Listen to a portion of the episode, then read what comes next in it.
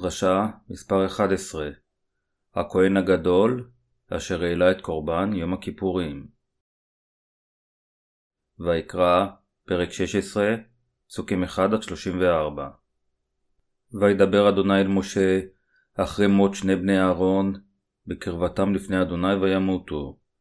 ויאמר אדוני אל משה דבר אל אהרון אחיך ואל יבוא בכל עת אל הקודש מבית לפרוכת אל פני הכפורת אשר על הארון ולא ימות, כי בענן אראה על הכפורת. בזאת יבוא אהרון אל הקודש, בפר בן בקר לחטאת ועי לעולה. כותונת בד קודש ילבש, ומכנסי בד יהיו על בשרו, ובאבנת בד יחגור, ובמצנפת בד יצנוף, בגדי קודש הם, ורחץ במים את בשרו, ולבשם. ומאת עדת בני ישראל ייקח שני שעירי עזים לחטאת, ועיל אחד לעולה, והקריב אהרון את פר החטאת אשר לו, וכיפר בעדו ובעד ביתו. ולקח את שני השעירים, והעמיד אותם לפני אדוני פתח אוהל מועד. ונתן אהרון על שני השעירים גורלות, גורל אחד לאדוני, וגורל אחד לעזאזל. והקריב אהרון את השעיר אשר עלה עליו הגורל אדוני, ועשהו חטאת. והשעיר אשר עלה עליו הגורל לעזאזל, יעמוד חי לפני אדוני לכפר עליו, לשלח אותו לעזאזל המדברה. והקריב אהרון את פר החטאת אשר לו, וכיפר בעדו ובעד ביתו, ושחט את פר החטאת אשר לו. ולקח מלוא המחתה, גחלי אש מעל המזבח, ללפני אדוני, ומלוא חופנם, קטורת סמים דקה, והביא מבית לפרוכת. ונתן את הקטורת על האש לפני אדוני, וכיסה ענן הקטורת את הכפורת אשר על העדות, ולא ימות. ולקח מדם הפר, והיזה באצבעו על פני הכפורת קדמה, ולפני הכפורת יזה שבע פעמים מן הדם באצבעו. ושחט את שעיר החטאת אשר לעם, והביא את דמו אל מבית לפרוכת. ועשה את דמו, כאשר עשה לדם הפר, והיזה אותו על הכפורת, ולפני הכפורת. וכיפר על הקודש מטומאות בני ישראל, ומפשעיהם לכל חטאותם, וכן יעשה לאוהל מועד השוכן איתם בתוך טומאתם. וכל אדם לא יהיה באוהל מועד בבואו לכפר בקודש עד צאתו, וכיפר בעדו ובעד ביתו, ובעד כל קהל ישראל. ויצא אל המזבח אשר לפני אדוני, וכיפר עליו, ולקח מדם הפר ומדם השעיר, ונתן על קרנות המזבח סביב. והיזה עליו מן הדם באצבעו שבע פעמים, וטיהרו וקידשו מטומאות בני ישראל. וכילה מכפר את הקודש, ואת הארון, ואת אוהל מועד ואת המזבח, והקריב את השעיר החי. ושמח אהרון את שתי ידיו על ראש השעיר החי, והתוודה עליו את כל עוונות בני ישראל ואת כל פשעיהם לכל חטאותם, ונתן אותם על ראש השעיר, ושילח ביד איש איתי המדברה. ונשא השעיר עליו את כל עוונותם אל ארץ גזרה, ושילח את השעיר במדבר.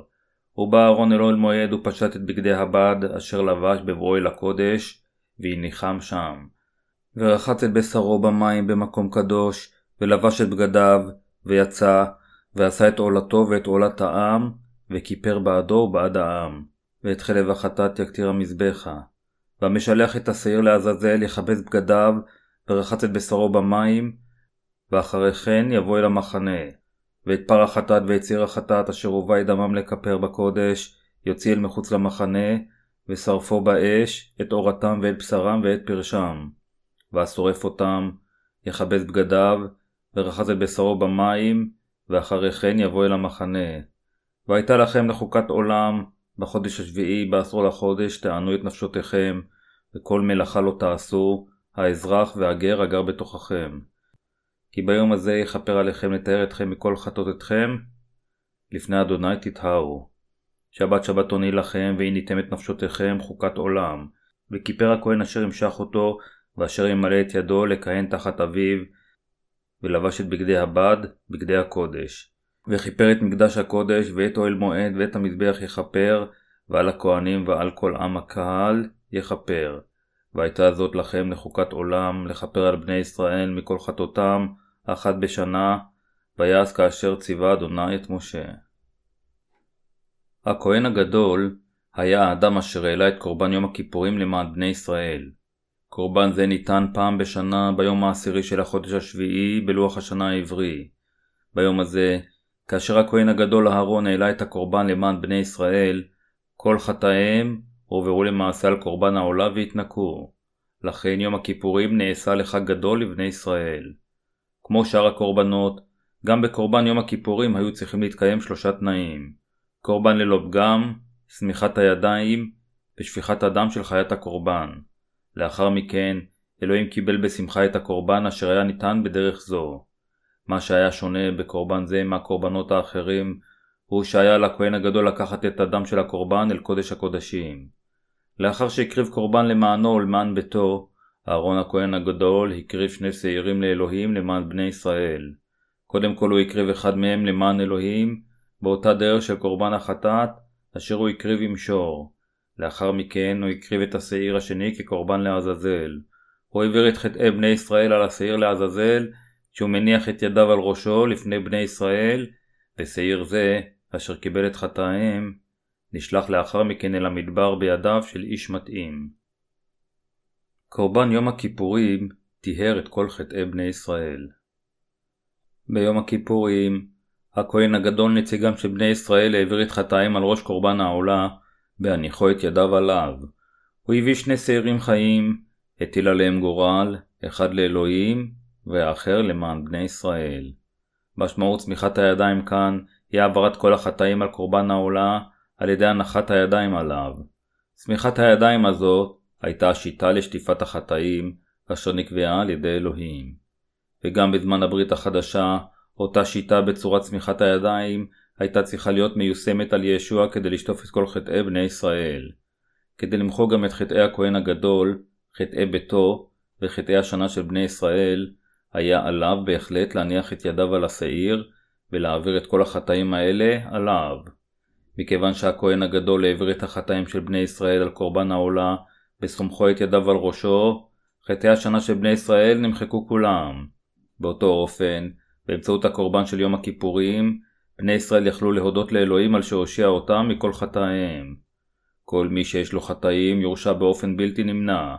כדי שקורבן העולה יורשע בשביל חטאי בני ישראל, היה עליו קודם לקבל את חטאיהם. אם הכהן הגדול היה מעלה קורבן בלי הנחת הידיים על ראשו, קורבן זה לא היה מתקבל על ידי אלוהים, ולכן הוא נמנע מלנהוג כך. כדי למחוק את חטאי בני ישראל, אלוהים רומם את הכהן הגדול, וגרם לו להעביר את כל חטאי עמו אחת ולתמיד, על ידי סמיכת ידיו על ראש הקורבנות, אשר הועלו לאלוהים במשכן, ולקבל את חטאי בני ישראל עם סמיכת הידיים, והם נשאו את הרשעות החטאים למענם, כשהם שופכים את דמם ומתים. כדי לבצע בשלמות את כל צדקת האלוהים ואהבתו, היה על בני ישראל להקריב את קורבן יום הכיפורים על ידי סמיכת ידי הכהן הגדול על חיות הקורבן ושחיטת גרונם למען שפיכת הדם הייצוגית אחת לשנה. באמצעות קורבן זה, במילים אחרות, אלוהים רצה לשטוף את חטאי השנה של בני ישראל אחת ולתמיד. זה היה החוק של אהבת האלוהים, אשר ענה גם על רחמנותו וגם על צדקתו.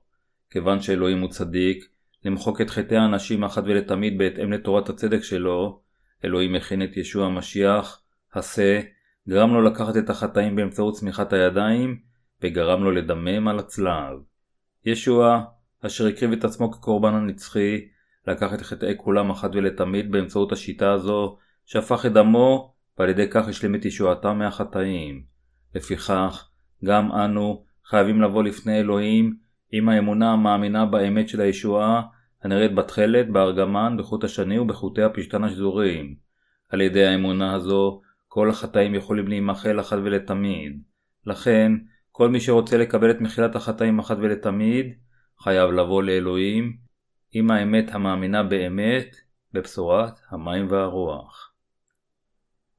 משמעות צמיחת הידיים משמעות צמיחת הידיים היא להעביר ל, לעבור או לקבור. כאשר מישהו בבני ישראל חטא בשוגג ואז נהיה מודע לכך, היה עליו לתת עולת קורבן לאלוהים, ויקרא פרק 4 פסוקים 27 29. קודם היה עליו לתת חיית קורבן ללא פגם ואז להעביר עליה את חטאיו עם שמיכת ידיו על ראשה.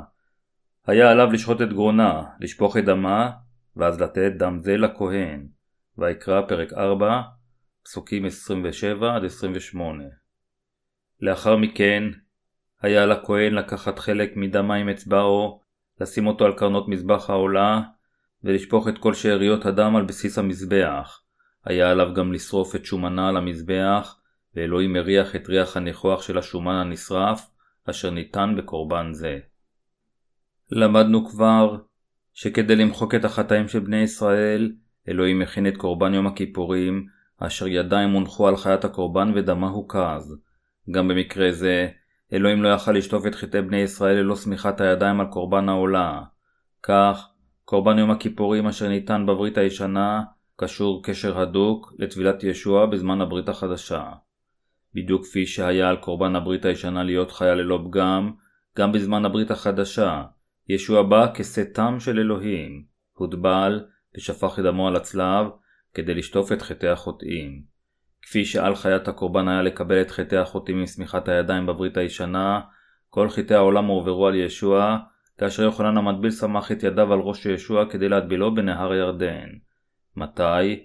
פרק 3, פסוק 15. על קורבן העולה של הברית הישנה ועל ישוע של הברית החדשה, היה לקבל באותו אופן את צמיחת הידיים ולדמם למוות באותה דרך. קורבן צמיחת הידיים ושפיכת הדם היה אותו קורבן אשר הוכן לחוטאים גם בברית הישנה וגם בברית החדשה. לאחר חטאי בני האדם בא זעמו של אלוהים. לפני אלוהים היינו חוטאים אשר לא היינו יכולים שלא למות על חטאינו בדיוק כמו קורבן החטא אשר היה עליו למות על החטאים אשר הוא לקח. כאשר אנו מתארים את קורבן העולה נחתך לחתיכות ונשרף באש על מזבח העולה, אנו יכולים להבין שבדיוק כך היינו מיועדים להישמד לפני אלוהים. אך ישוע הושיע אותנו על ידי שהוטבל בידי יוחנן ושפך את דמו על הצלב. לפיכך, אלה אשר לא נולדו מחדש, חייבים להכיר בעצמם כחוטאים, העומדים לפני דין שרפה על חטאיהם לפני אלוהים, ולהאמין בטבילה ובדם של ישוע כישועתם. כדי להושיע אותנו מחטאינו, במקום להענישנו עליהם, אלוהים הכין את קורבן הישועה, העביר את חטאינו על הקורבן הנצחי הזה, גרם לו לדמם, ועל ידי כך מחל על כל חטאינו.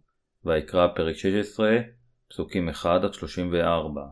אל הרומים, פרק 8, פסוקים 3-4, אל העברים, פרק 10, פסוקים 10-12. האם יש לכם עדיין חטאים בלבכם? אם כן, אתם חייבים קודם להודות לפני אלוהים שאתם חוטאים העומדים בפני הרשעת האלוהים, ואתם חייבים להאמין שבאמצעות ישוע המשיח אלוהים ביצע את תוכנית הישועה שלכם, אשר הוא הכין אפילו לפני בריאת העולם. חטאים אינם יכולים להימחל מבלי לשלם מחיר הולם. זוהי הסיבה מדוע אלוהים נתן לבני ישראל את שיטת ההקרבה. בשיטת ההקרבה הזו, רק הקורבן אשר לווה עם שמיכת הידיים ושפיכת הדם, היה קורבן האמונה אשר יכל לשטוף את חטאי בני ישראל.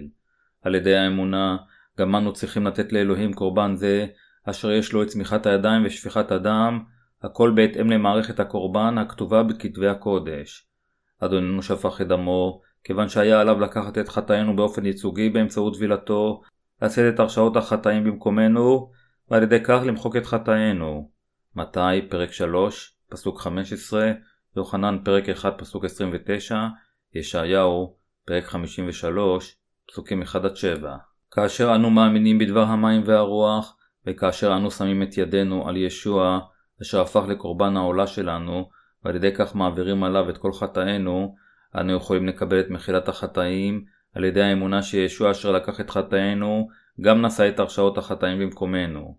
על ידי האמונה בבשורת המים והרוח, אנו יכולים להעביר את כל חטאינו על ישוע, אשר הפך לקורבן העולה שלנו, ואנו יכולים למות איתו ולחיות איתו. אל הרומים, פרק 6, פסוקים 1-11, אל הגלתיים, פרק 3, פסוק 27. הלקחים הרוחניים שאנו חייבים להבין מקורבן יום הכיפורים הם קודם כל שאנו חייבים להכיר את חטאינו ואת ההרשאות על חטאינו ועלינו לתת לאחר מכן את קורבן האמונה אשר אלוהים רוצה לקבל, כלומר חייבת להיות לנו אמונה בישוע אשר ביצע את ישועתנו עם טבילתו ודמו על הצלב. אנו חייבים לסמוך את ידינו על ישוע על ידי האמונה בטבילתו. מדוע? מכיוון שרק כאשר אנו סומכים את ידינו על קורבן העולה באמונה ומוציאים את דמו, אנו יכולים להיוושע מכל חטאינו. באותו אופן, כל מי שרוצה להימחל מחטאיו לפני אלוהים, חייב לשלם את מחיר החיים, כיוון ששכר החטא הוא המוות. בין אם עשיר או עני, חייב להיות קורבן עולה המשלם את חטאי האדם ואת מחיר כפרת החיים. ללא זה, אף אחד אינו יכול לקבל את מחילת החטאים על ידי האמונה. קורבן יום הכיפורים של הברית הישנה הבה נפנה לספר ויקרא, פרק 16, פסוקים 6-10 והקריב אהרון את פר החטאת אשר לו, וכיפר בעדו בעד ביתו, ולקח את שני השעירים, והעמיד אותם לפני אדוני פתח אוהל מועד. ונתן אהרון על שני השעירים גורלות, גורל אחד לאדוני, וגורל אחד לעזאזל, והקריב אהרון את השעיר אשר עלה עליו הגורל אדוני, ועשהו חטאת, והשעיר אשר עלה עליו הגורל לעזאזל, יעמוד חי לפני אדוני, לכפר עליו, לשלח אותו לעזאזל, המדברה. כדי לאפשר לבני ישראל לקבל את מחילת חטאיהם על ידי האמונה, הכהן הגדול, בשמם, נתן את הקורבן אשר לווה בשמיכת הידיים ושפיכת הדם. כיצד, אם כן, היא אמונת הנוצרים כיום? האם זו לא אמונה ספקולטיבית ונטולת יסוד של אלה המבקשים לקבל את מחילת חטאיהם, אפילו מבלי להעביר את זה לקורבנם? אם אמונתכם היא לא סוג האמונה אשר העבירה את חטאיכם על ישוע המשיח באמצעות צמיחת הידיים, אז יש לכם כאן בעיה. אם אמונתכם היא לא האמונה המאמינה בתפילת ישוע ודמו על הצלב, היא אינה יכולה להיות אמונה אמיתית.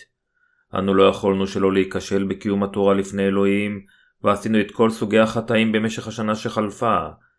לכן, אם היינו חיים בזמן הברית הישנה, היה עלינו לקבל את מחילת החטאים שלנו על ידי האמונה בקורבן החטא, אשר הכהן הגדול היה מעלה בשמנו. כדי לתת את קורבן האמונה לאלוהים, אנו צריכים קודם להכיר בכך שאנו מיועדים להישמד על חטאינו, ולאחר מכן עלינו להאמין בשמיכת הידיים, אשר העבירה את כל חטאינו על חיית הקורבן, אשר אלוהים מכין בשבילנו, ושפיכת הדם של קורבן זה. מכיוון שלשמיכת הידיים על חיית הקורבן ולשפיכת דמה יש את כוח הישועה, אנשי הברית הישנה יכלו לקבל את מחילת חטאיהם באמצעות קורבן זה, שהכהן הגדול נתן בהתאם לשיטת ההקרבה, אשר נקבעה על ידי אלוהים. בהניחו את ידיו על קורבן העולה, הכהן הגדול העביר את חטאי השנה של עמו על הקורבן, שחט את גרונו, הוציא את דמו, והתיז דם זה לפני הכפורת ועל צידה המזרחי שבע פעמים. בעשותו כך, הוא לעולם לא חדל מלתת את הקורבן הנכון לאלוהים כל שנה. בדרך זו, בני ישראל יכלו לקבל את מחילת החטאים בימים ההם. כך, באמצעות חטא הקורבן שהכהן הגדול נתן, בני ישראל האמינו ואישרו בליבם שכל חטאיהם נמחלו. מה שקורבן יום הכיפורים של הברית הישנה מראה לנו, זה שבברית החדשה, ישוע המשיח לקח את חטאי העולם, על ידי שהוטבל בידי יוחנן, ושפך את דמו על הצלב, ושאנו חייבים להאמין בישוע המשיח כמושיענו, ולקבל את מחילת החטאים הנצחית על ידי האמונה. כל אנשי העולם, אשר ליבם סובל ומתייסר עקב החטאים, חייבים להבין שהם יכולים לקבל את מחילת החטאים הנצחית על ידי האמונה בבשורת המים והרוח, והם חייבים להאמין זאת בליבם. בדרך זו, קורבן מחילת כל החטאים נקבע מראש על ידי אלוהים, והובטח על ידו שיתבצע, וגם הבטחה זו של ישועה נראית בתכלת, בארגמן, בחוט השני ובחוטי הפשתן השזורים, אשר שימשו כחומרי המשכן. קורבן יום הכיפורים, אשר הוקרב במשכן. ביום הכיפורים, כדי לטפל בכל החטאים של בני ישראל, הכהן הגדול סמך את ידיו על קורבן העולה לפני כל בני ישראל. ויקרא, פרק 16, פסוקים 1-23. היה בהחלט הכרחי בצידו להעביר את חטאיהם על קורבן העולה על ידי סמיכת ידיו על ראשו לתועלתם. כאשר הכהן הגדול אהרון נתן את קורבן העולה למען בני ישראל, אף אחד אחר לא יכל להיכנס אל המשכן. זה היה אירוע יוצא מן הכלל, כיוון שבדרך כלל היו הרבה כהנים בחצר המשכן, חוץ מיום הכיפורים. הכהן הגדול העביר את חטאי בני ישראל על קורבן העולה, שהוא שם את ידיו על ראשו, לקח את הדם של קורבן זה אל קודש הקודשים, והתיז אותו עם אצבעו על הכפורת בצד המזרחי, לפני הכפורת הוא התיז שבע פעמים. ויקרא, פרק 16, פסוק 14. בזמן ההוא, פעמוני הזהב אשר היו על שולי הכותונת של הכהן הגדול צלצלו, וכך כל פעם שהוא התיז את הדם לפני הכפורת ועל הצד המזרחי, הפעמונים צלצלו, ובני ישראל אשר עמדו מחוץ למשכן יכלו לשמוע את צלילי הפעמונים. כאשר בני ישראל שמעו את כל הפעמונים האלה, הם הבינו שהכהן הגדול נותן עתה את הקורבן לאלוהים לתועלתם.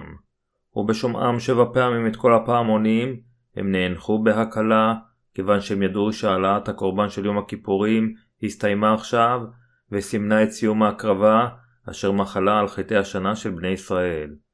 לאחר מכן, אהרון הכהן הגדול יצא מהמשכן, לקח את השעיר השני כקורבן נוסף, ונתן את הקורבן הזה של יום הכיפורים לפני בני ישראל. אלוהים ציווה את בני ישראל לא לעשות דבר ביום הכיפורים.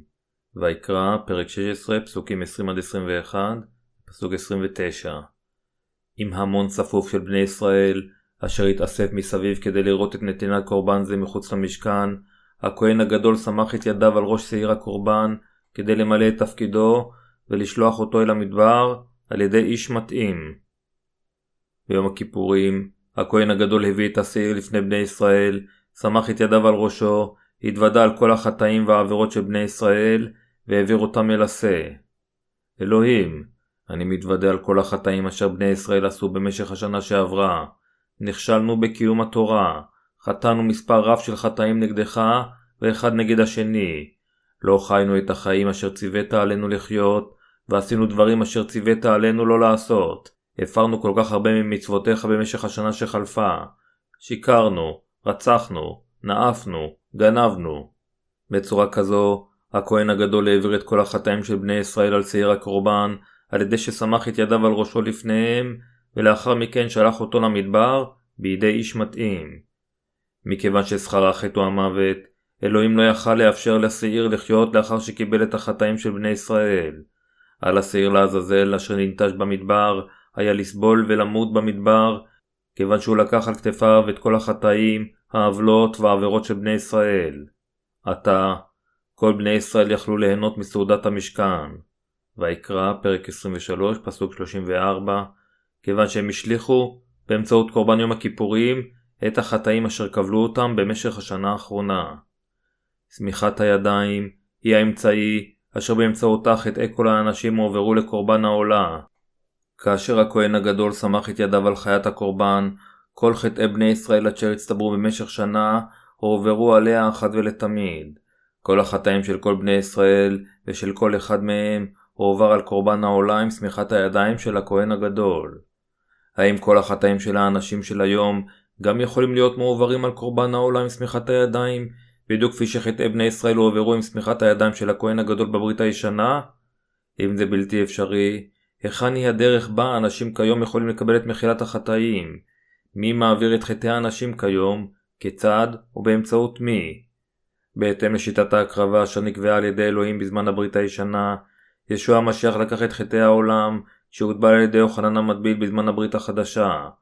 בדיוק כפי שחטאי השנה של בני ישראל הועברו על שעיר הקורבן אחת ולתמיד באמצעות קורבן יום הכיפורים שהכהן הגדול העלה למען בני ישראל, כך גם חטאינו הועברו על ישוע המשיח אשר הוטבל על ידי יוחנן המטביל, הכהן הגדול האחרון. היכן הם, אם כן, כל החטאים של האנשים כיום? הם נמצאים עתה על ראשו של ישוע המשיח.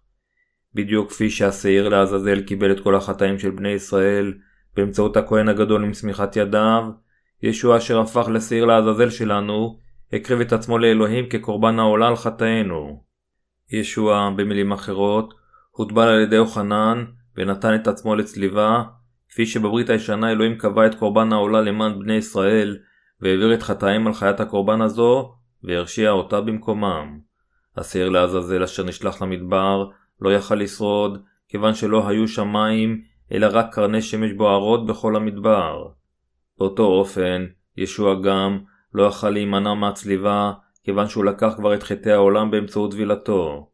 כפי שהשעיר לעזאזל ננטש במדבר השומם, ישוע אשר לקח את חטאי העולם, גם הוכה ובוזה על ידי הרבה אנשים. אם השעיר לעזאזל הובא למדבר, ונעזב שם במדבר השומם, האם הוא לא היה נודד סביב רק כדי למות בסוף מצמא? באותו אופן, ישוע אשר קיבל את חטאינו, נדחה על ידי אנשים רבים, והיה עליו להצלב כדי לשאת את ההרשאות על חטאינו, לשפוך את דמו ולמות. זאת הייתה הישועה אשר ישוע המשיח ביצע כדי לתת לנו את ישועת האמת שלו בבשורת המים והרוח.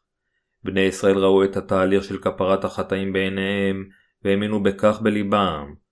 כמותם, גם אנו יכולים לקבל את מחילת חטאינו על ידי ראיית, שמיעת ואמונה בליבנו בפעולות הצדק של ישוע המשיח. זה אומר לנו שישוע המשיח שיוטבל על ידי יוחנן, יישא את חטאי העולם, יצלב, ישפוך את דמו, ימות ויקום לתחייה מן המתים, ואנו נבשע על ידי כל אלה בעינינו הרוחניות, והאמונה בכך בליבנו. קורבן זה של יום הכיפורים ימשיך כל עוד בני ישראל ימשיכו להתקיים. הם עדיין נותנים את המנחה של יום הכיפורים ביום העשירי של החודש השביעי לפי לוח השנה שלהם. כיוון שאלוהים אמר להם, והייתה זאת לכם לחוקת עולם, לכפר על כל בני ישראל מכל חטאתם אחת לשנה. ויקרא, פרק 16, פסוק 34. בגרימתו לבני ישראל לתת כך את קורבן יום הכיפורים, אלוהים העניק להם את חסדו, כך שכל חטאיהם ישתפו, והם יגאלו מהעונש על חטאיהם. בדיוק כך, גם לאנשים של היום, אלוהים אפשר להם להבין שישוע נשא את כל חטאי העולם על גופו כשהוטבל על ידי אוחנן, נצלב, ועל ידי כך השלים את הטיהור הנצחי מהחטאים. ישוע המשיח לקח על כתפיו את חטאי בני האדם עם טבילתו, ונעשה לכהן הגדול הנצחי של השמיים. עתה, אין שום דבר שנשאר לנו לעשות לישועתנו, אלא רק להאמין באמת הזו. קורבן הכפרה הגדולה שהמשיח נתן לאלוהים האב עם גופו. מדוע אלוהים ציווה על בני ישראל להעלות לו את קורבן יום הכיפורים? הוא עשה כן כדי שהם יצפו לעתיד, עם אמונתם, ליום בו אלוהים האב ישלח את בנו ישוע המשיח להקריב את הכפרה הנפלאה בשביל חטאי כל בני האדם עם טבילתו ודמו. זוהי הסיבה מדוע ישוע המשיח, הבן היחיד של אלוהים ומושיע האנושות, בא לעולם הזה כדי למחוק את חטאי כולם, לבצע את הכל עם אהבת האלוהים, ולהראות את הישועה לבני האדם.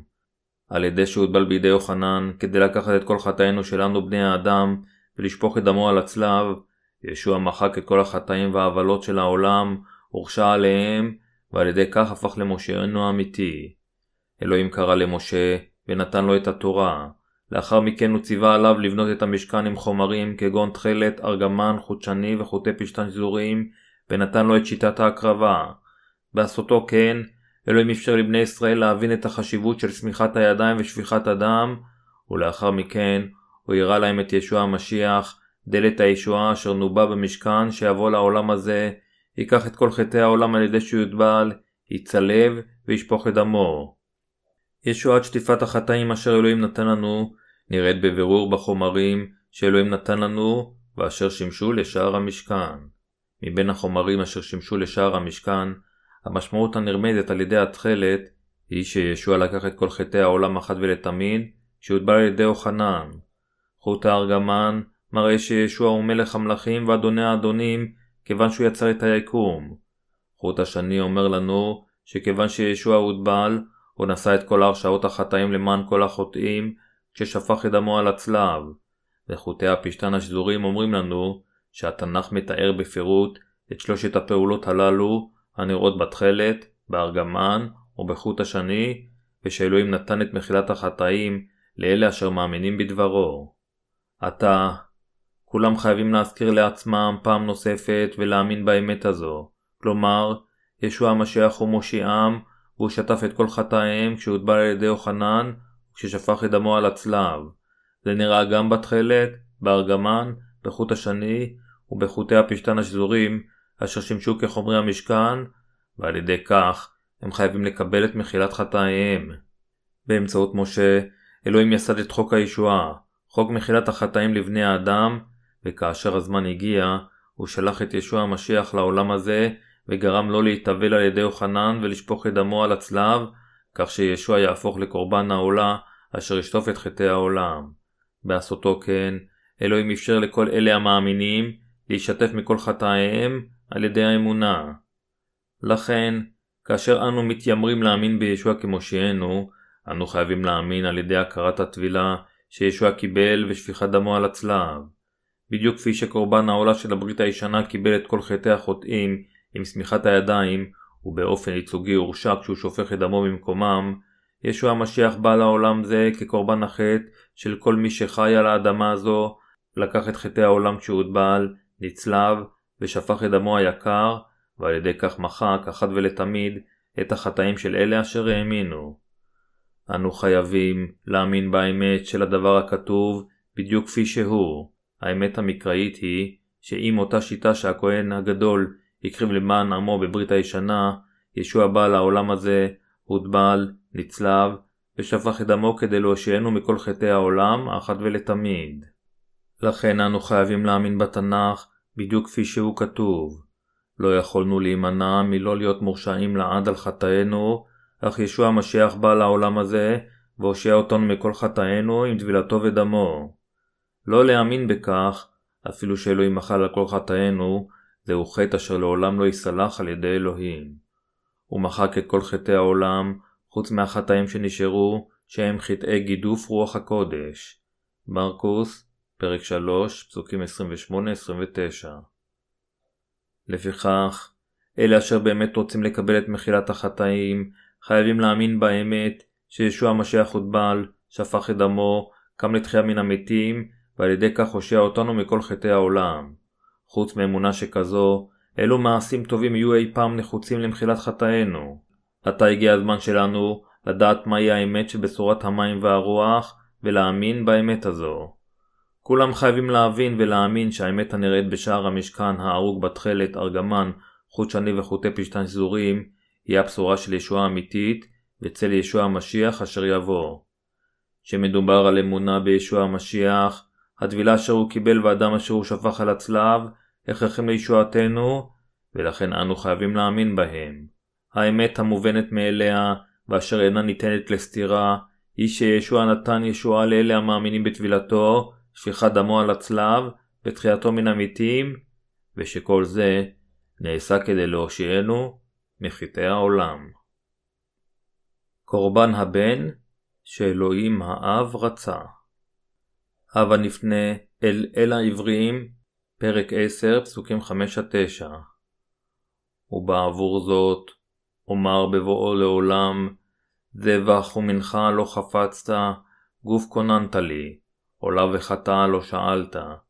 אז אמרתי, הנה באתי, מגילת ספר כתוב על לעשות רצונך אלוהי. אחרי אמורו למעלה, זבח ומנחה, עולה וחטאה לא חפצת ולא שאלת, אשר יקריבו אותם על פי התורה. אז אמרתי, הנה באתי לעשות רצונך, אלוהי, מעביר בזה את הראשונה, למען נקים את השנייה. מה המשמעות של קטע זה האומר שאינו רוצה לקבל זבח ומנחה? הקטע מצוטט מתהילים, פרק 40, פסוקים 6-7.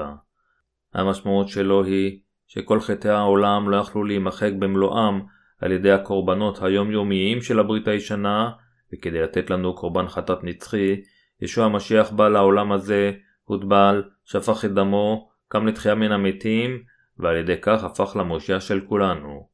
המשמעות של תהילים פרק 40 פסוק 7 האומר אז אמרתי הנה באתי במגילת ספר כתוב עליי היא שישוע המשיח בא לעולם הזה ושטף את כל החטאים עם שמיכת הידיים ועם שפיכת דמו בדיוק כפי שכתוב בברית הישנה. בזמן הברית הישנה חטאים אלו של בני ישראל נמחלו כאשר חיית הקורבן הועלתה לאלוהים ביום הכיפורים עם שמיכת הידיים של הכהן הגדול ושפיכת הדם של הקורבן.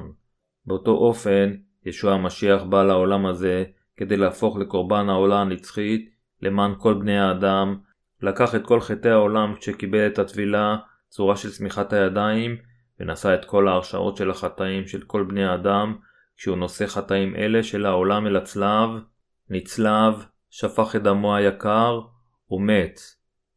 בעשותו כך, ישוע נתן ישועה נצחית לכל אלה אשר האמינו.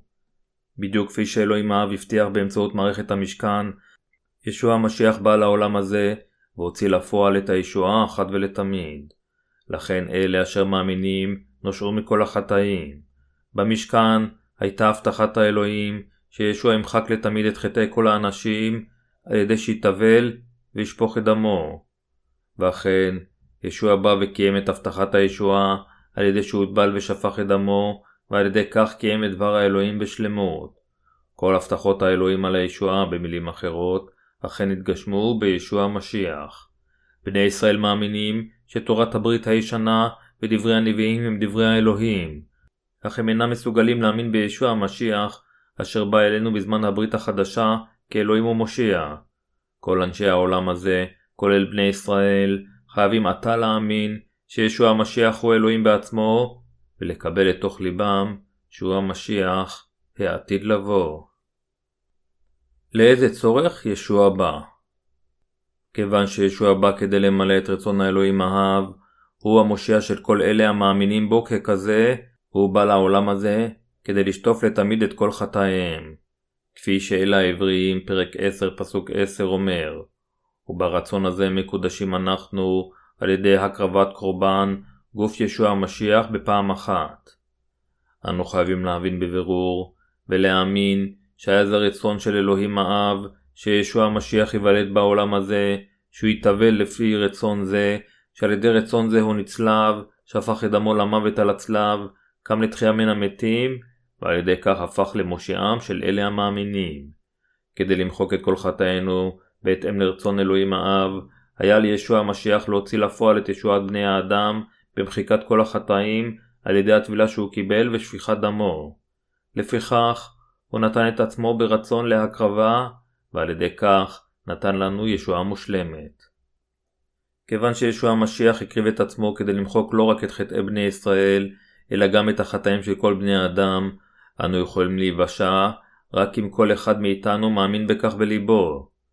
במשך 33 שנות חייו, ישוע הוטבל רק פעם אחת, נצלב פעם אחת, ועל ידי כך הושע את חוטאי העולם אחת ולתמיד. זוהי הישועה היחידה והמושלמת. בדיוק כפי שישוע מחק אחת ולתמיד את כל החטאים אשר בוצעו על ידי בני האדם מתחילת העולם, הוא גם אפשר לנו להיוושע אחת ולתמיד על ידי האמונה. בהקריבו את גופו אחת ולתמיד, ישוע המשיח עשה אותנו מושלמים לעד. כיוון שהוא הוטבל על ידי יוחנן, והורשע על כל חטאינו כשהוא שופך את דמו, אנו חייבים עתה להאמין בשמחה בבשורה בליבנו, ועל ידי כך להיוושע מכל חטאינו. על ידי רצון האב, ישוע המשיח בא לעולם הזה כדי לשאת את כל חטאינו ולשלם את מחיר החיים, והוא חשף בהצלחה את ישועתנו האמיתית באמצעות אהבת האלוהים בהתאם לרצון האב. דבר זה הוא ללא ספק האמת שאתם ואני החיים עתה בעולם המודרני הזה חייבים להאמין. אנו חייבים לקשור יחדיו את טבילת ישוע ואת שפיכת דמו על הצלב ולהאמין בהם כסט אחד של אמת אשר הושיע אותנו באופן מושלם. אם ניכשל בכך, אנו נאבד את מחילת החטאים הנצחית. לפיכך, אנו חייבים להאמין על פי דבר אלוהים הכתוב, על פי האמת של בשורת המים והרוח.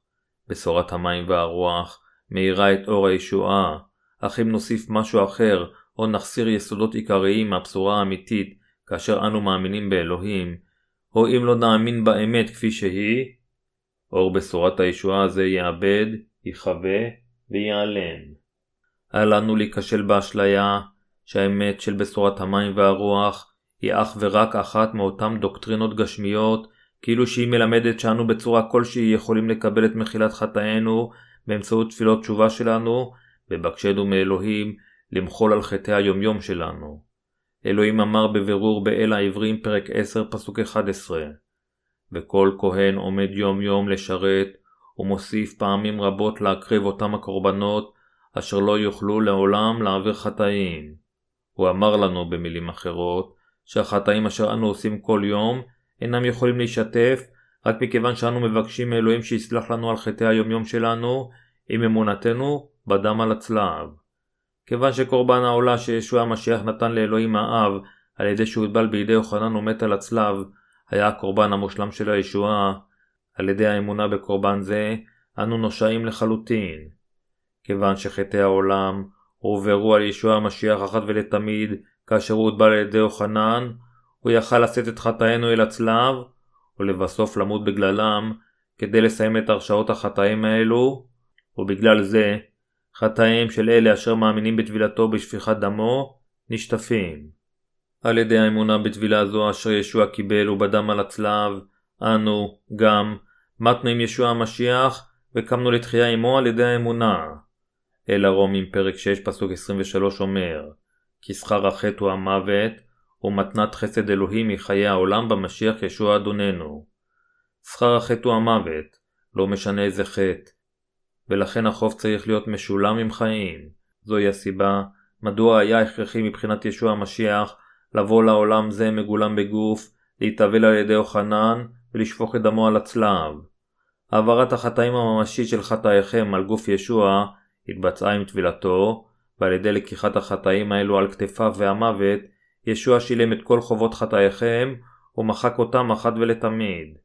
אך למרות זאת, אפילו שאלוהים נתן לנו את האמת הזו של הבשורה, ישנם הרבה אנשים אשר מבקשים מאלוהים למחול להם על חטאי היומיום שלהם כל יום. הם פשוט בורים לגבי האמת של בשורת המים והרוח. כאשר יש לאנשים חטא בליבם, הם אינם יכולים שלא לפחד לפני אלוהים עקב חטאיהם. זה נכון שיש רבים אשר נשארו בורים לגבי בשורת המים והרוח, ועדיין לא נשטפו מחטאיהם אחוזי פחד בגלל חטאי מצפונם. בכל אופן, ישוע בא לעולם הזה כדי לגאול אותם מכל חטאיהם, הוטבל על ידי יוחנן, שפך את דמו על הצלב, ועל ידי כך הושע אותם באופן מושלם. מדוע אם כן אנו צריכים לחשוש כאשר בשורת המים והרוח, בשורת ישועת האלוהים, הושיע אותנו באופן מושלם, וטיפלה בהרשאות החטאים שלנו. אלה היודעים ומאמינים באמת, שישוע מחק את כל חטאי בני האדם באמצעות בשורת המים והרוח, אכן יכולים להיוושע באופן מושלם על ידי האמונה, בדיוק כפי שאלוהים הבטיח. אם יהיו חטאיכם כשנים כשלג ילבינו, אם יעדימו, כתולה כצמר יהיו. ישעיהו, פרק 1, פסוק 18. כולנו יכולים להיוושע על ידי האמונה, כיוון שהטבילה של ישוע קיבלה את חטאי העולם על פי חוק האלוהים, אשר נקבע בברית הישנה, אשר העביר את כל החטאים אל קורבן העולה, עם שמיכת הידיים עליו. כיוון שישוע לקח את חטאי העולם כשהוטבע על ידי יוחנן, הוא יכל למות על הצלב, או בגלל הישועה, אשר אלוהים דיבר עליה בברית הישנה, אנו אוכלנו להיוושע מכל חטאינו רק על ידי האמונה.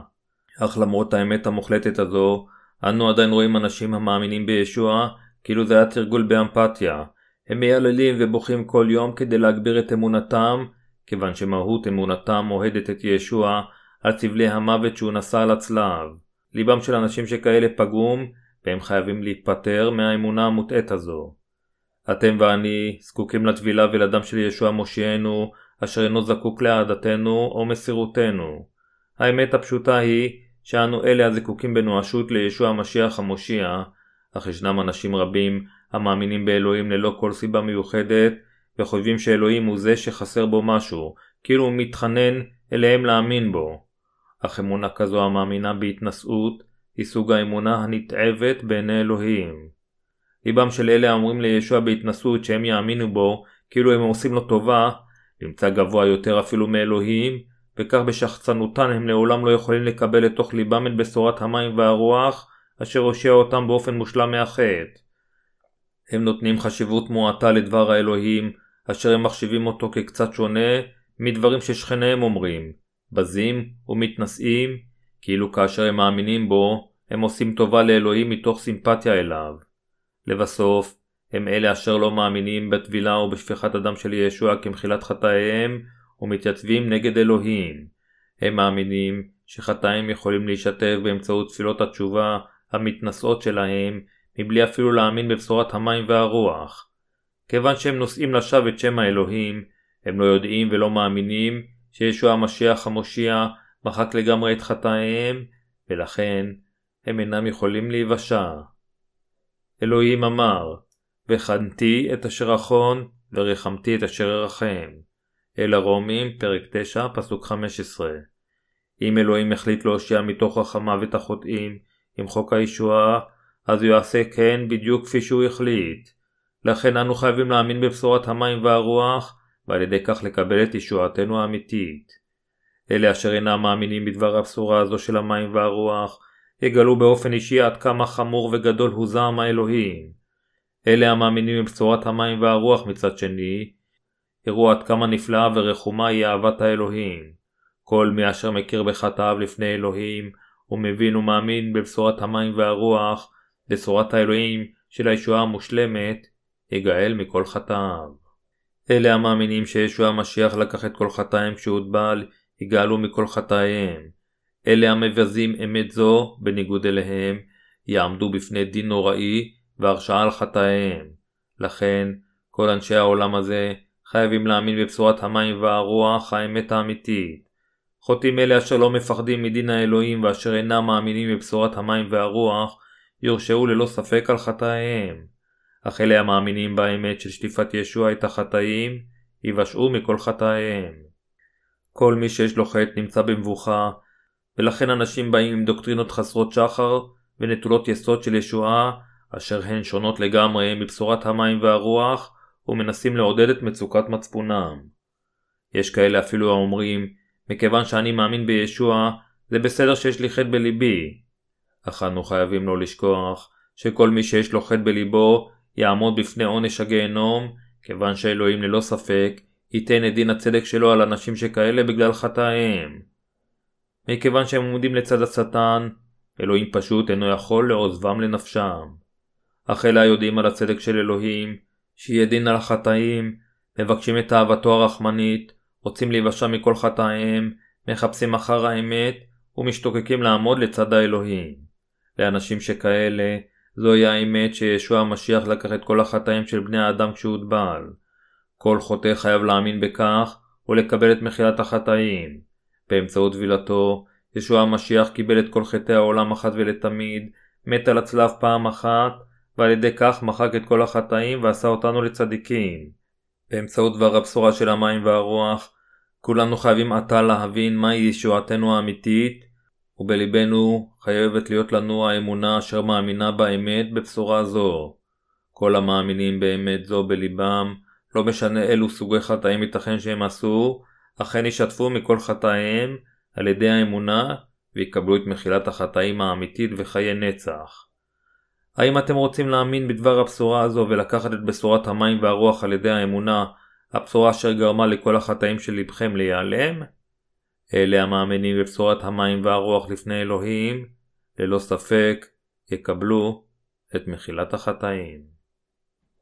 תפילות התשובה אינן יכולות להושיע אתכם. כיום, רבים המתיימרים להאמין בישוע, נותנים את תפילות התשובה שלהם כל יום, ומבקשים מאלוהים למחול להם על חטאיהם.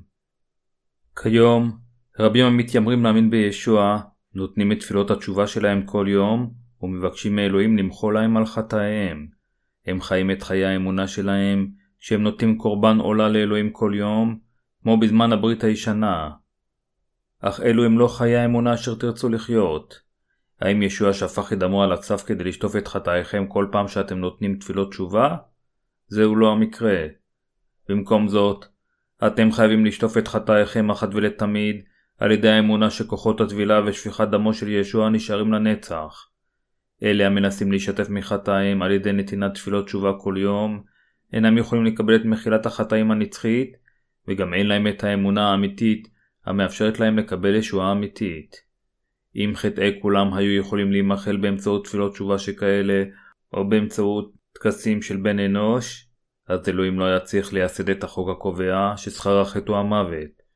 כדי שאנשים ימחלו מחטאיהם, הם חייבים לתת למעשה את הקורבן אשר מעביר את חטאיהם על גופו של ישוע על ידי האמונה.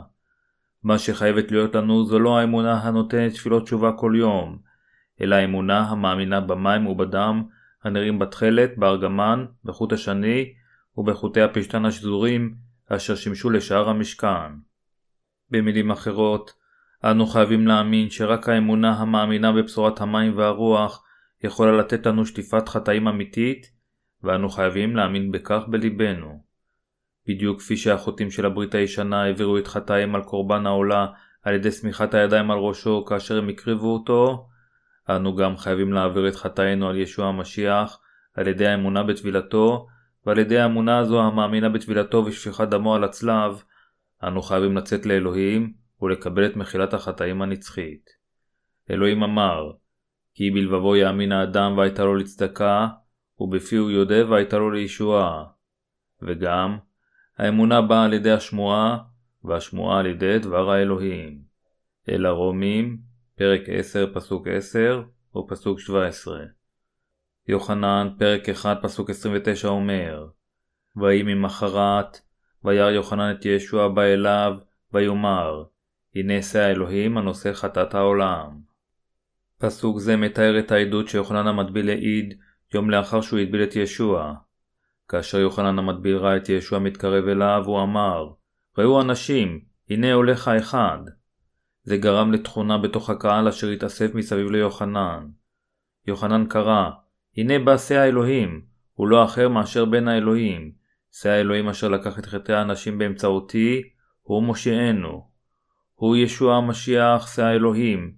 הנה, שא האלוהים הנושא את חטאת העולם. כיוון שיוחנן המטביל הטביל את ישוע המשיח והעביר את כל חטאי העולם עליו, הוא יכל להעיד באופן אישי על ישוע. כיוון שיוחנן העביר את חטאינו על ישוע כשהטביל אותו במילים אחרות, ישוע המשיח הפך לשא הקורבן, אשר לקח את חטאינו בהתאם לרצון אלוהים האב. בברית הישנה, מחילת החטאים התקבלה על ידי נתינת קורבן עולה לאלוהים, אך בברית החדשה, רק על ידי האמונה המאמינה בשלמות בטבילת ישוע ודמו על הצלב, אנו יכולים להימחל מכל חטאינו. כיוון שאלוהים לקח בעלי חיים כגון שברים, כבשים ועיזים כקורבנות עולה כדי למחוק את חטאי בני ישראל, מספר עצום של חיות דיממו, נשחטו לחתיכות ונשרפו על מזבח העולה. מספר רב של חיות קורבן אכן נהרגו בגלל חטאי האנשים. אך בזמן הברית החדשה, ישוע לא הקריב חיות קורבן שכאלה, אלא הוא הקריב את גופו למעננו. כיוון שישוע עשה האלוהים בעל העולם הזה, קיבל את חטאי העולם על גופו באמצעות טבילתו, ושפך את דמו על הצלב, הוא אפשר לאלה המאמינים בכך, להיוושע מכל חטאיהם אחת ולתמיד. ישוע בא אלינו על מנת לסיים לתמיד את חטאינו, עם המים, הדם והרוח. אלוהים מצווה עליכם ועליי להאמין באמת הזו של הישועה האמיתית. הוא אומר לנו, אני מחקתי את כל חטאיכם, כיוון שאהבתי אתכם. אני הושעתי אתכם כך. לכן האמינו, אני מחקתי את חטאיכם על ידי שנתתי את בני כקורבן העולה בשבילכם. נתתי לבני לחיות על האדמה הזו במשך 33 שנים של חייו, גרמתי לו להתאבל, גרמתי לו לשפוך את דמו על הצלב למענכם, ובעשותי כך, גאלתי אתכם לחלוטין מכל חטאיכם והרשעותיכם.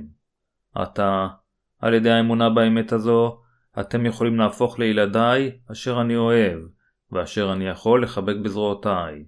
דעו והאמינו בכך בלבכם, שהרי אלה המאמינים בטבילה שישוע המשיח קיבל ובדם שהוא שפך על הצלב, לא רק ימחלו מכל חטאיהם, אלא הם יקבלו גם את הזכות להיות ילדיו של אלוהים.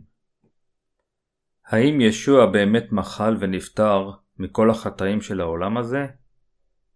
הבה נפנה אל אל העבריים, פרק 10, פסוקים 14-18, כי הוא בקורבן אחד השלים לנצח את המקודשים, ואף רוח הקודש מעיד לנו על זאת, כי אחרי אמרו, זאת הברית אשר אכרות איתם אחרי הימים ההם אמר אדוני, נתתי את תורתי בקרבם ועל ליבם אכתבנה, ולעוונם ולחטאתם לא אזכור עוד. והנה כאשר נסלחו החטאים, אין עוד קורבן עליהם. פסוק זה מבהיר זאת, והנה כאשר נסלחו החטאים, אין עוד קורבן עליהם. הקשיבו לחדשות המבורכות האלו, שכל חטאינו עוברו על ישוע באמצעות הטבילה אשר הוא קיבל. לא רק שכל חטא אשר אתם ואני עשינו במשך חיינו עובר על ישוע, אלא גם כל החטאים של כל בני אדם הועברו עליו. כדי למלא את כל צדקת האלוהים, ישוע קיבל את צמיחת הידיים, הוטבל במים, וכך אפשר לכל החטאים לעבור עליו. יותר מכך, בלוקחו על כתפיו את החטאים, הוא נצלב ועל ידי כך נשא את ההרשאות של כל החטאים של בני האדם, לכן אלה המאמינים בו נגאלו עתם מהדין עליהם. בדיוק כפי שהכהן הגדול העביר את החטאים של בני ישראל לקורבן העולה כשהוא סומך עליו את ידיו, יוחנן המטביל העביר את כל החטאים לישוע המשיח על ידי שהטבילו, וישוע, בחזרה, החטיף על עצמו חטאים אלה, ונצלב, ועל ידי כך גאל את כל מי שמאמין בו מהחטא. לכן, אלה המאמינים בכך, יכולים לקבל את הזכות להיות ילדי האלוהים. אל הרומים, פרק 10, פסוק 10 אומר, כי בלבבו יאמין האדם והייתה לו לצדקה, ובפיהו יודה והייתה לו לישועה. כולם, על ידי האמונה בליבם בצדקת האלוהים, יכולים להיות צדיקים, על ידי האמונה באמת הישועה בליבם, הם יכולים לקבל את מחילת החטאים ולהיכנס לגן עדן. אחים ואחיות, האם נושעתם על ידי האמונה בלבכם והתוודעתם בפיכם שהטבילה והדם של ישוע הם היסודות המהותיים היוצרים את צדקת האלוהים, אמת הישועה ובשורת מחילת החטאים? תחת שיטת ההקרבה של הברית הישנה, חטאי בני ישראל לא נמחקו פשוט על ידי הריגת חיית הקורבן ללא שמיכת הידיים, אשר העבירה את חטאיהם על הקורבן. באותו אופן, אם נאמין רק בדם על הצלב, ונזנח את הטבילה שישוע קיבל, אז כל החטאים לא יוכלו להישטף. ולעוונם ולחטאתם לא אזכור עוד. והנה כאשר נסלחו החטאים, אין עוד קורבן עליהם. אל העבריים, פרק 10, פסוקים 17-18. מדוע אלוהים אמר כאן שהוא לא יזכור יותר את חטאינו? למרות שאיננו יכולים להימנע מלחטוא עד יום מותנו, כיוון שישוע לקח את כל חטאי העולם אחת ולתמיד על ידי שהוטבל, ישועתנו הושלמה עתה ותימשך לנצח, ואלה מאיתנו המאמינים בכך, הם עכשיו חפי חטא. זוהי הסיבה מדוע אין לאלוהים צורך לזכור את חטאינו. צדקת האלוהים משמעותה הצדק שלו.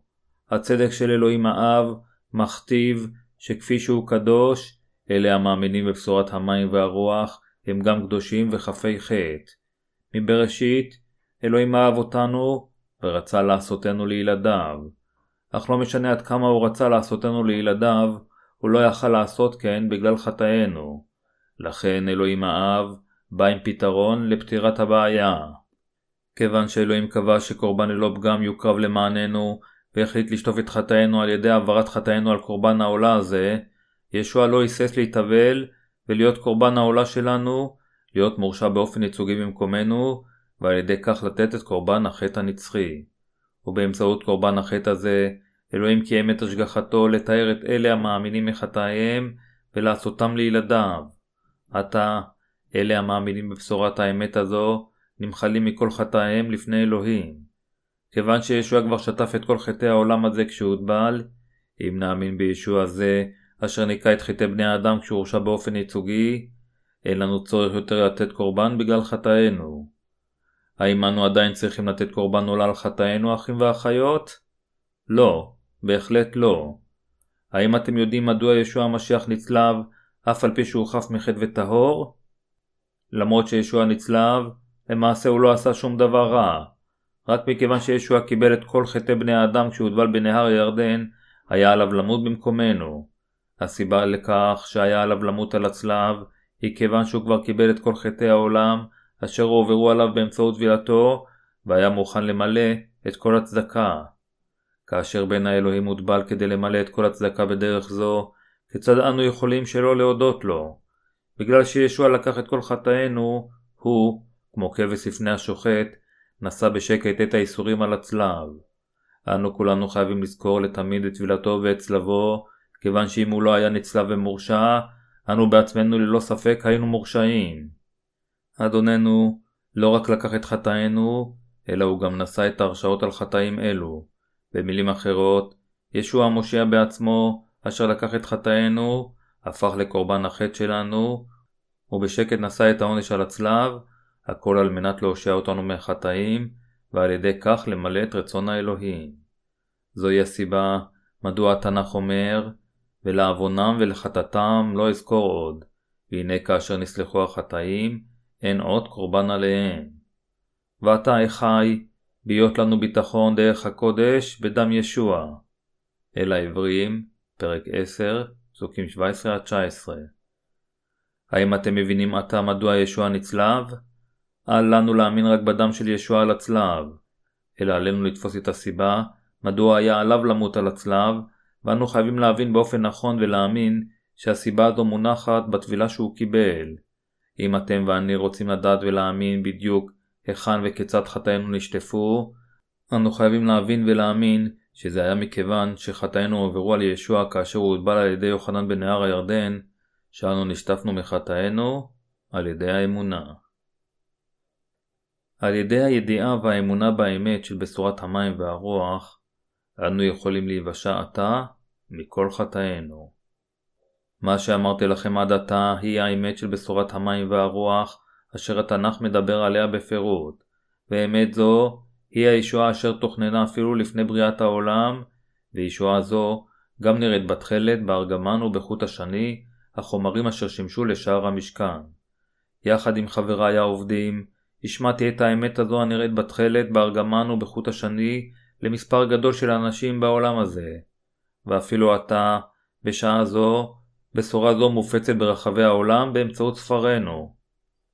אך יש כאלה המצהירים שהם מאמינים בישוע, אפילו שהם בורים לגבי בשורת המים והרוח.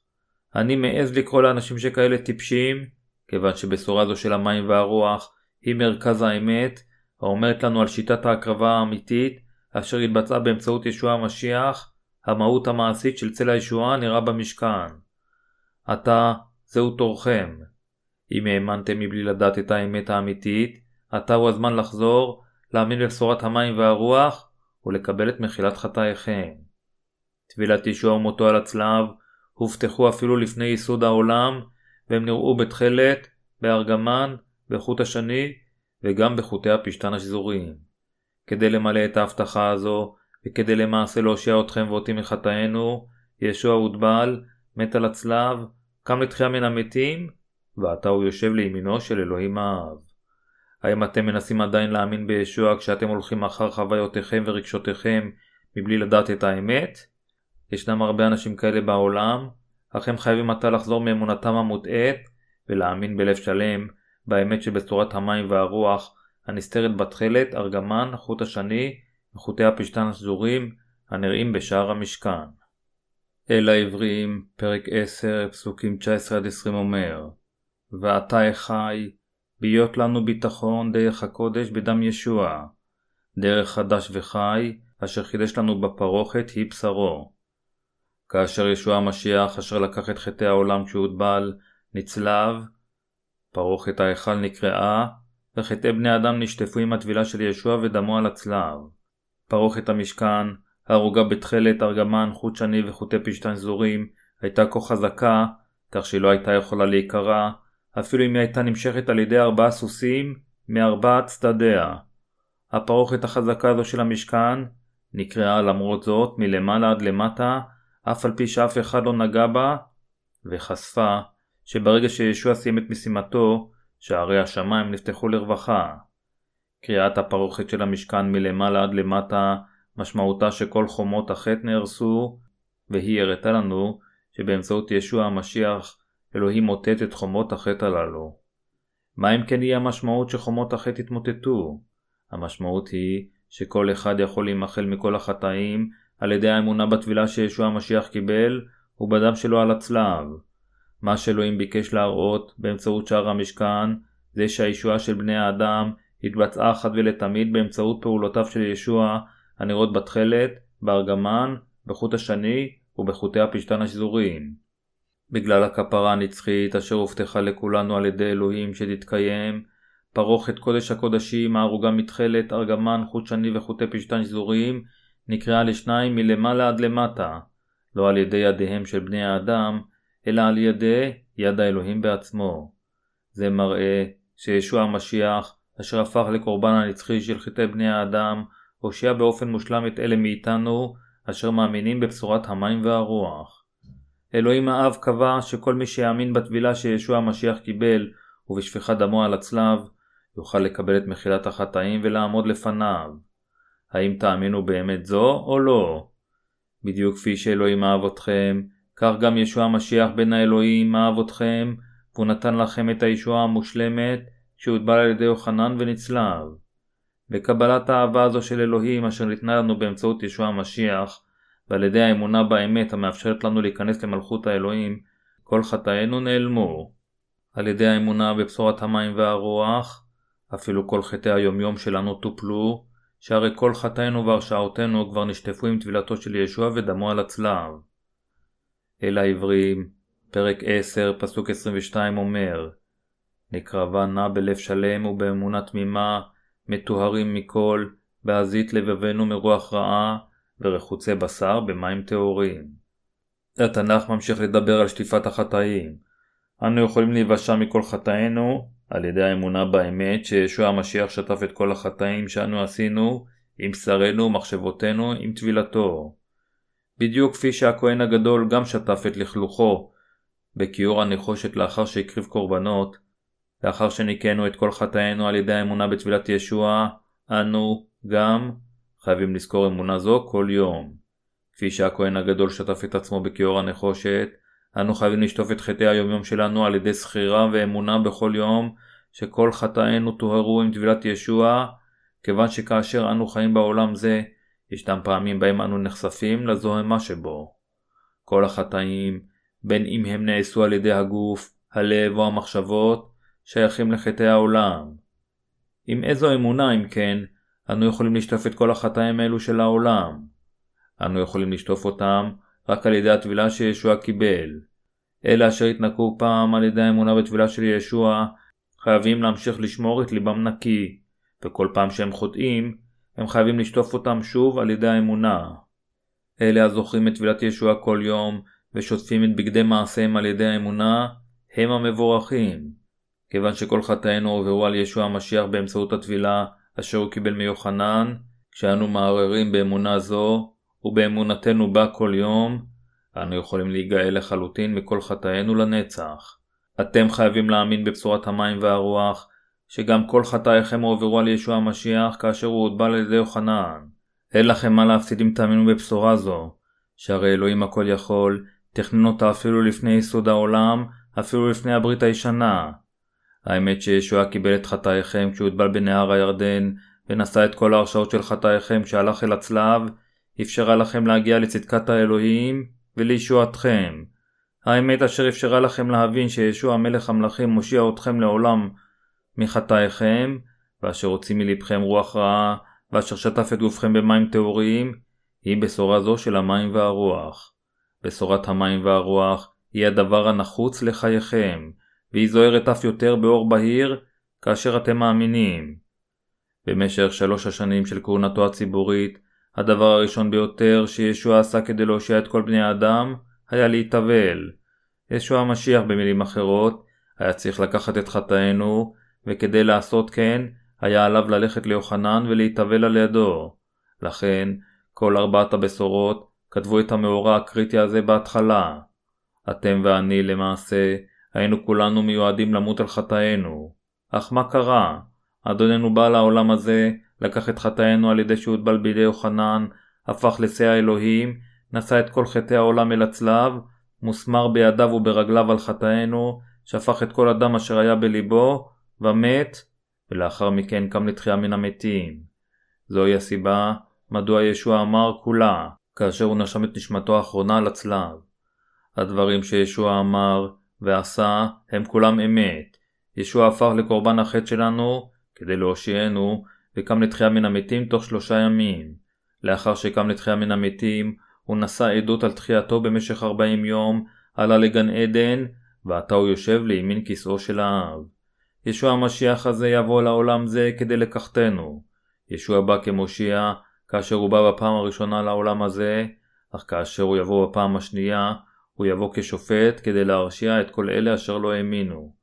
אתם חייבים עתה להאמין שישוע המשיח יחזור לעולם זה כשופט, כדי לקרוא ולקבל כילדי האלוהים את אלה אשר האמינו בישועת המים, הדם והרוח, אשר הוא ביצע במשך 33 שנות חייו על האדמה, ויאפשר להם להיות במלכות אלף השנים, ובגן עדן הנצחי, ולתת את דין הצדק הנצחי שלו על אלה אשר לא האמינו בבשורת המים, הדם והרוח, ואשר דחו את אהבת האלוהים. עתה, אל לכם להתעלם יותר מבשורת המים והרוח, ולהעמיד פנים שאתם לא מודעים אליה, אלא אתם חייבים להאמין באמת של הישועה הזו. אתם חייבים להבין שבדיוק כפי שאלוהים הבטיח באמצעות המשכן ושיטת ההקרבה, ישוע המשיח בא לעולם הזה, הוטבל בצורה של שמיכת הידיים, נצלב, ועל ידי כך הושע את כל אומות העולם מכל החטאים, ואתם חייבים לקבל את מחילת חטאיכם על ידי האמונה באמת הזו בכל לבכם. אפילו כך, עם ישראל עדיין מפנה את גבו לאמת ומחכה למשיח אחר. אך בני ישראל חייבים להבין שלא חשוב עד כמה בלהט הם מחכים למשיח אחר מישוע, פשוט אין משיח אחר מלבד ישוע המשיח. זה שאין שום משיח אחר על פני האדמה זו מלבד ישוע, זוהי אמת המובנת מאליה, ואפילו לגבי בני ישראל, אין יוצא מן הכלל כאשר זה מגיע לאמת הזו, וגם אין שום מושיע אחר. לפיכך, בני ישראל חייבים לעשות תשובה על חטאיהם, על שלא האמינו בישוע המשיח כבן האלוהים, והם חייבים להאמין שישוע המשיח הוא אכן המשיח האמיתי שלהם, ולקבל זאת כאמת. בהצהירם שוב, ובהאמינם שישוע המשיח הוא המושיע העתיד לבוא, עם ישראל חייב להפוך לעם האמיתי הנבחר מבחינה רוחנית על ידי אלוהים.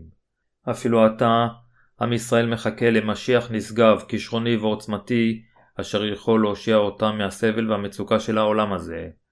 אך ישוע המשיח בא כבר לעולם הזה בגוף אדם כמשיח והושיע אותם, אשר לא יכלנו להימנע מלהיות נידונים לאש על חטאיהם.